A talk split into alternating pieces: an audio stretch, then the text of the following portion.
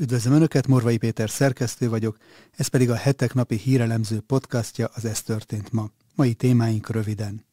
Kiderült, hogy az orosz hadsereg által használt iráni kamikáze drónok alkatrészeinek döntő többségét nyugati cégek gyártják. Hát ennyit érnek az Irán és Oroszország elleni szankciók. Zelenszky, ukrán elnök a világ leghatalmasabb cégcsoportja a BlackRock vezetőjével tárgyalt szilveszter előtt. Larry Fink megígérte, hogy újjáépítik Ukrajnát, ami nyilván gigantikus üzleti lehetőség, azt azonban nem árulta el, hogy kifizetni a sok milliárd dolláros számlát. Az ukrán hadsereg egyik vezető pozícióját is megkaparintotta az erdélyi mesterszélhámos. A magyar származású FMS-e havi 4 millió forintos fizetésért lett álnéven a vezérkar kommunikációs igazgatója. Ami még megdöbbentőbb, miután egy sajtótájékoztatón felismerték a nemzetközi svindlert, az ukrán hadsereg a lebukás ellenére megtartotta a nőt a jól fizető bizalmi állásban. Egy friss kutatás szerint a közösségi média használat megváltoztatja a tinik agyát. A fiatalok akár naponta 15-ször átpörgetik a közösségi oldalakat. Hozzáteszem, ezek a hatások egyáltalán nem csak a fiatalokat érintik. Jön a COVID 2023. Újabb járványhullámtól tartanak, ezért összehangolt szabályokat szorgalmaznak Brüsszelben. Önök a január 5-i adást hallják, a nap legizgalmasabb híreit és aktualitásokat a hetek válogatásában, amelyeket a videónk leírásában szereplő linkeken el is olvashatnak, csak úgy, mint a hetek.hu oldalon. Köszönjük, hogy már közel 16 ezeren feliratkoztak a YouTube csatornánkra, és hogyha esetleg ezt nem tették volna még meg, kérem csatlakozzanak, hogy biztosan értesüljenek a legfrissebb tartalmainkról. Akik pedig szeretnék támogatni további podcastjaink elkészítését, a videó alatti sávban található köszönet gombon tudják ezt megtenni tetszés szerinti összeggel. Előre is köszönünk minden felajánlást, és természetesen a megtekintéseket is. Nézzük akkor témáinkat részletesebben. Kiderült, hogy az orosz hadsereg által használt iráni kamikáze drónok alkatrészeinek döntő többségét nyugati cégek gyártják. Az ukrán titkos szolgálat vizsgálatai során több tucat amerikai, illetve nyugat-európai cég alkatrészeit találták meg az Ukrajnában kilőtt egyik iráni drónban. Elemzők szerint komoly kihívás jelent Amerika, illetve a nyugat számára annak megakadályozása, hogy a perzsa rezsim kezébe kerüljenek a legkorszerűbb fejlesztéseik. A Fehérház előző hónapban külön munkacsoportot hozott létre annak kivizsgálására, hogy a nyugaton gyártott eszközök, a félvezetőktől és a GPS moduloktól kezdve egészen a nagyobb alkatrészekig, így a hajtóművekig, hogyan kerültek az iráni drónokba, amiket aztán az orosz-ukrán háborúban Moszkva időről időre bevet. Az amerikaiakhoz eljutott ukrán elemzés szerint jól szemlélteti a probléma nagyságát. A bevizsgált iráni Shahed 136-os drónból eltávolított 52 alkatrész közül 40-et 13 különféle amerikai cég gyártott, míg a fennmaradó 12 tartozékot kanadai, svájci, japán, tajvani és kínai cégek készítették. Az Egyesült Államok már évek óta igyekszik szigorú export ellenőrzések, a legkülönfélébb korlátozások, illetve szankciók útján kezelni a helyzetet, de hiába. Irán valahogy mindig hozzájut az amerikai csúcs technológiához. A helyzet kezelésére Washington lehetőségei viszont egyre szűkülnek. Az Egyesült Államok tisztviselői jelenleg a megfelelő intézkedések végrehajtását vizsgálják, és arra ösztönzik az érintett vállalatokat, hogy jobban figyeljék az ellátási láncaikat, és próbálják meg beazonosítani azokat a forgalmazókat, akik az árukat az iráni szereplőknek továbbíthatják. Egyelőre azonban vajmi kevés sikerrel. Adrian Watson, az amerikai nemzetbiztonsági tanács szóvivője elmondta, hogy jelenleg is vizsgálják azokat a további lehetséges lépéseket az export ellenőrzések céljából, hogy valamiképpen korlátozzák a perzsa állam hozzáférését a drónokhoz felhasznált technológiákhoz. Zelenszky, ukrán elnök, a világ leghatalmasabb cégcsoportja, a BlackRock vezetőjével tárgyalt szilveszter előtt. Larry Fink megígérte, hogy újjáépítik Ukrajnát, ami nyilván gigantikus üzleti lehetőség. Azt azonban nem árult el, hogy kifizetni a sok milliárd dolláros számlát. Miközben a világ lakosságának jelentős része éppen a petárdákért járta a boltokat, a két ünnep közötti csendben egy jelentős megbeszélésre került sor az ukrán elnök és a világ legnagyobb befektetési alapkezelőjének vezetője között. A december 28-án tartott videokonferencia fő témája a szétlőtt Ukrajna újjáépítése volt. Larry Fink, az óriás cég ügyvezető igazgatója arra vállalkozott, hogy a helyreállításra szánt befektetések menedzselésével segítenek az ország újjáépítésében, hogy az ukrán gazdaság legfontosabb ágazataiba menjenek a megfelelő összegek. Az esemény cseppet sem elhanyagolható jelentőségű. A BlackRock sajátos üzletpolitikájának köszönhetően ugyanis olyan hatalmas tőkeállományra tett szert, amelynél csak az Egyesült Államok és Kína tud többet felmutatni. Az Árnyékbank ráadásul kézben tartja az amerikai vállalatok részvényeinek egy jelentős részét is. A megbeszélés eredményeként a 2023-as év során a BlackRock több munkatársa is az országba látogat, hogy tanácsadóként működjenek közre. A BlackRock neve egyébként nem először merül fel Ukrajnával kapcsolatban. Larry Fink és Zelensky tavaly szeptemberben tárgyaltak először arról, hogy hogyan lehetne minél több állami és magánbefektetőt Ukrajnába vonzani. Novemberben megállapodást is kötött a két fél arról, hogy befektetési stratégiát dolgoznak ki. A BlackRock lényegében az ukrán gazdasági minisztérium rendelkezésére bocsátja szakértelmét, hogy Ukrajna helyreállítására a befektetések kellő ütemben a megfelelő helyre jussanak el. Amerikában sokan nem nézik jó szemmel a BlackRock ténykedését Ukrajnában, mivel borítékolható, hogy az óriás cég nem karitatív küldetésként tekint az ország felépítésére. Ugyanakkor egyértelmű, hogy a BlackRocknak nem saját zsebből fog fizetni az ukrán állam, hanem amerikai segélyekből, hiszen eddig is csak Biden elnök bőkezűsége óvta meg őket az államcsőttől. Ez pedig nem mást jelent, mint hogy Ukrajnán keresztül a világ legnagyobb alapkezelője az amerikai adófizetők pénzéből hizlalja majd magát tovább. Ez pedig csak tetézi, hogy a sokak által vók kapitalizmusnak nevezett üzletpolitika mellett elkötelezett Larry Fink arra használja a BlackRock elképesztő 8000 milliárd dolláros tőkeállományát, hogy egész lakónegyedeket vásároljon fel Amerikában, a célból, hogy bérleménybe adja őket. Például a kokáért az elmúlt hónapokban a több mint két millió lakossal rendelkező Houstonban a házvásárlások egynegyede a BlackRock nevéhez fűződött az évente megrendezett Davoszi Világgazdasági Fórum, amelynek Fink kuratóriumi tagja, már nem egyszer tett hitet amellett, hogy a jövő a magántulajdonmentes világé.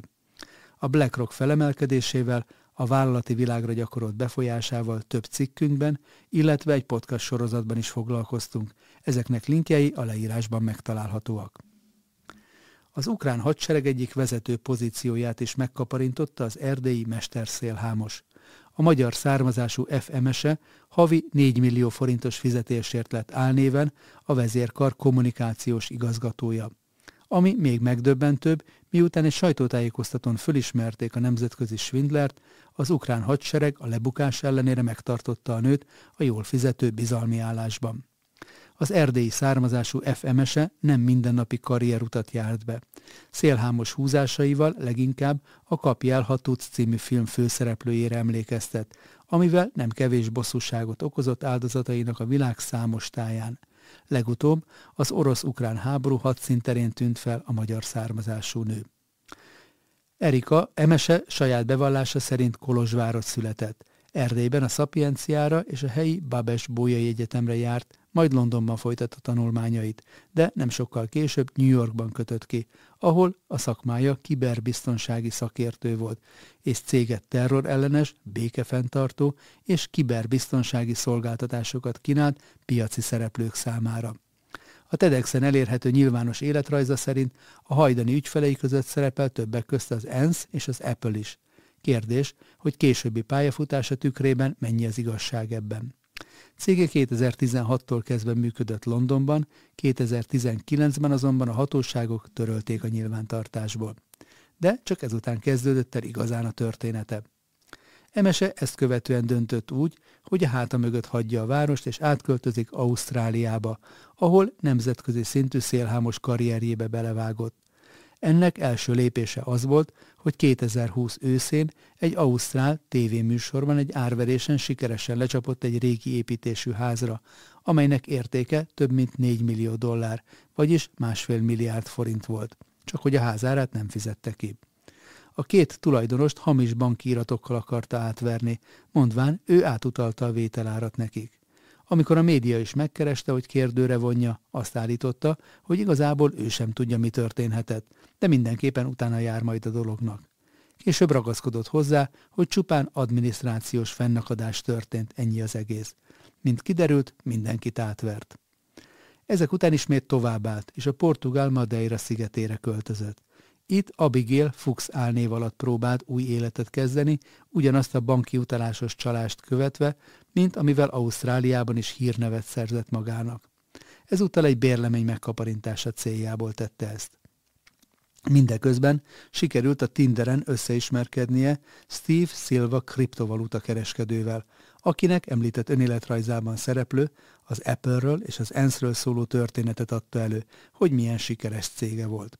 Szilvának azonban az internet segítségével sikerült kinyomoznia, hogy Abigail Fuchs valójában nem más, mint FMS-e, akinek a karrierje leginkább az ausztráliai üzletek miatt volt figyelemre méltó, nem is annyira a londoni céges múlt miatt. A férfi rájött, hogy ugyanazzal az utalásos átveréssel rövidítette meg Emese, a bérlemény tulajdonosát is, akivel később személyesen is beszélt. A főbérlő elmondta Szilvának, hogy összesen 4200 dolláros tartozást halmozott fel FMS-e. Ezzel nyilvánvalóvá lett, hogy kivel is van dolga. Később fény derült rá, hogy nem csak a portugál szigeten és Ausztráliában, hanem máshol is ugyanígy átverte az embereket. Egy brit ismerősét például 20 millió forint értékben, valamint egy magyar származású grafikust is, mintegy 400 ezer forinttal. Mindegyik esetben ugyanazt az utalásos, hamis banki bizonylatos módszert alkalmazta. Miután Steve Silva rájött, hogy mi az igazság, emesének nyoma veszett, és legközelebb 2022 tavaszán tűnt elő, méghozzá a háborúban álló Ukrajnában. A hadban álló Ukrajnában F a felkínálkozó lehetőséget, mert Ukrajna állampolgárságot és jövedelmet kínált a külföldi harcosoknak, tehát ezt kihasználva részt vett az Ukrajnai Nemzetközi Védelmi Légió reklámfotózásán, és tovább gyarapította ismerettségi körét. Szőke hölgyként jól bevált arca volt az ukrajnai toborzó irodáknak. Ekkor F már saját nevét használta, és gyakran mesélte el ugyanazt a karrier történetet az Apple-ről és az ENSZ-ről, mint ami önéletrajzában is feltüntetett. De nem átallott hatalmas vagyonáról, luxusautóiról és penthouse luxus lakásáról sem beszélni, és ki tudja még milyen történeteket fűzhetette hozzá ezekhez. A seregben Emese később fordítóként kezdett tevékenykedni, az éhezők viadalából ismerős fecsegő poszált a hivatali fedőnév alatt, majd pedig nyártól kommunikációs igazgatóként folytatta tovább karrierjét Ukrajnában. Ebben a pozícióban havi szinten hozzávetőlegesen 4 millió forintot keresett. Probléma akkor lett a nagy nyilvánosság előtti szerepléséből, amikor július 1-én egy harkivi sajtótájékoztatóján három másik katonatársaságában számolt be a sereg állapotáról. Ekkor figyeltek fel ugyanis rá a nyomozók, és ismerték föl személyében a nemzetközi szélhámost. Pozíciójából azonban valamilyen okból nem távolították el effet. Jön a COVID 2023. Újabb járványhullámtól tartanak, ezért összehangolt szabályokat szorgalmaznak Brüsszelben.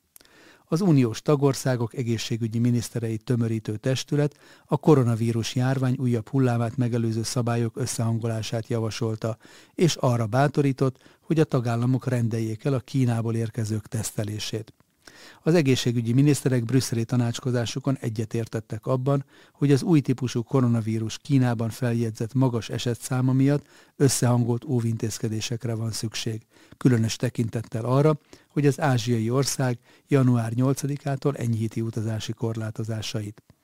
A szakminiszterek ajánlása szerint a tagállamoknak a Kínából érkező repülőgépek valamennyi utasának orvosi, vagy pedig FFP2-es jelzésű orrot és szájat eltakaró maszk viselését kell javasolniuk. Az uniós tanács továbbá arra kötelezte a tagállamokat, hogy a Kínából érkező valamennyi utas számára tegyék kötelezővé az indulás előtt legalább 48 órával végzett, negatív eredményt mutató koronavírus teszt bemutatását. Az uniós egészségügyi tanács azt is szorgalmazta, hogy az illetékes nemzeti hatóságok végezzenek szúró próbaszerű tesztelést a Kínából érkező utasok körében, valamint járványügyi szempontok szerint vizsgálják meg a kínai járatokat fogadó repülőterek szennyvizét. Indítványozták továbbá, hogy a tagállamok mozdítsák elő a koronavírus elleni oltások, köztük az emlékeztető oltások felvételét. Megállapodtak továbbá abban, hogy javaslatokat adnak a Kínából érkező vagy oda tartó nemzetközi utasoknak, valamint a légi járművek és repülőterek személyzetének a személyes higiéniai és egészségügyi intézkedésekről. A tagállamok január közepéig értékelik az európai és globális járványügyi helyzetet, és felülvizsgálják a bevezetett intézkedéseket, közölte az uniós tanács. Egy friss kutatás szerint a közösségi média használat megváltoztatja a tinik agyát. A fiatalok akár naponta 15-ször is átpörgetik a közösségi oldalakat. Hozzáteszem, ezek a hatások egyáltalán nem csak a fiatalokat érintik. Azok a fiatalok, akik gyakran használják a közösségi médiát, hiperszenzitívé válnak a velük egykorúak visszajelzéseire. Sokkal inkább, mint azok, akik kevesebbet vannak online, derül ki az Észak-Karolinai Egyetem kutatásából. A kutatók 12 és 15 éves korosztályba tartozó fiataloknak több alkalommal is megvizsgálták az agyát. A kísérletben részvevő tinik rendszeresen figyelemmel kísérik a közösségi oldalakat.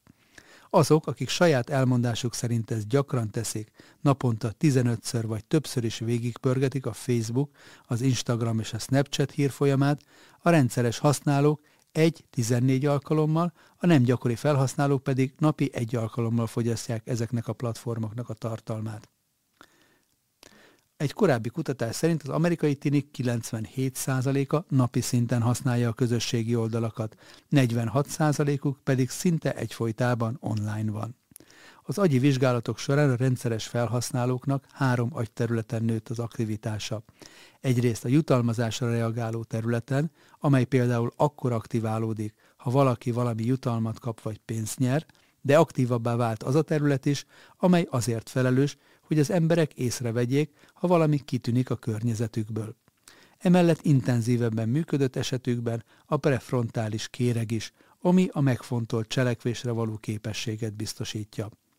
Azoknak a tinédzsereknek, akik gyakran nézik a közösségi oldalakat, elég drámai változások következnek be az agyukban, amelynek hosszú távú, a felnőtt korukat is érintő következményei lehetnek, hiszen ezek az agyuk fejlődését is érintik, mondta Éva H. Tetzler, az Észak-Karolinai Egyetem pszichológus professzora. Az idegtudósok megállapították, hogy a közösségi média oldalakon sok időt töltő tinédzserek hiperszenzitívvé válnak társaik visszajelzéseire, de azt nem lehetett megállapítani a kutatás során, hogy ennek hosszú távon pozitív vagy negatív hatása lesz-e. Az pozitív hozadéka lehet a változásnak, hogy a fiatalok megtanulnak másokkal kapcsolatba lépni, de ha a társas igényeik nincsenek megfelelően betöltve, akkor depresszióba süllyedhetnek, vagy szorongásos zavar léphet fel náluk. Nos, ennyi fért bele mai ajánlókba. Morvai Pétert hallották az Ez történt ma mai adásában. Várom Önöket holnap is aktuális hírekkel, ajánlókkal, és hogyha szeretnének ezekről biztosan értesülni, akkor kérem iratkozzanak fel a Hetek YouTube csatornájára, ahogyan ezt már közel 16 ezeren meg is tették, amit ezúton is nagyon köszönünk. Közben tart még a hetek nyomtatott és digitális előfizetői akciója, a fődíj egy Toyota személyautó. Viszont hallásra további szép napot kívánok mindenkinek!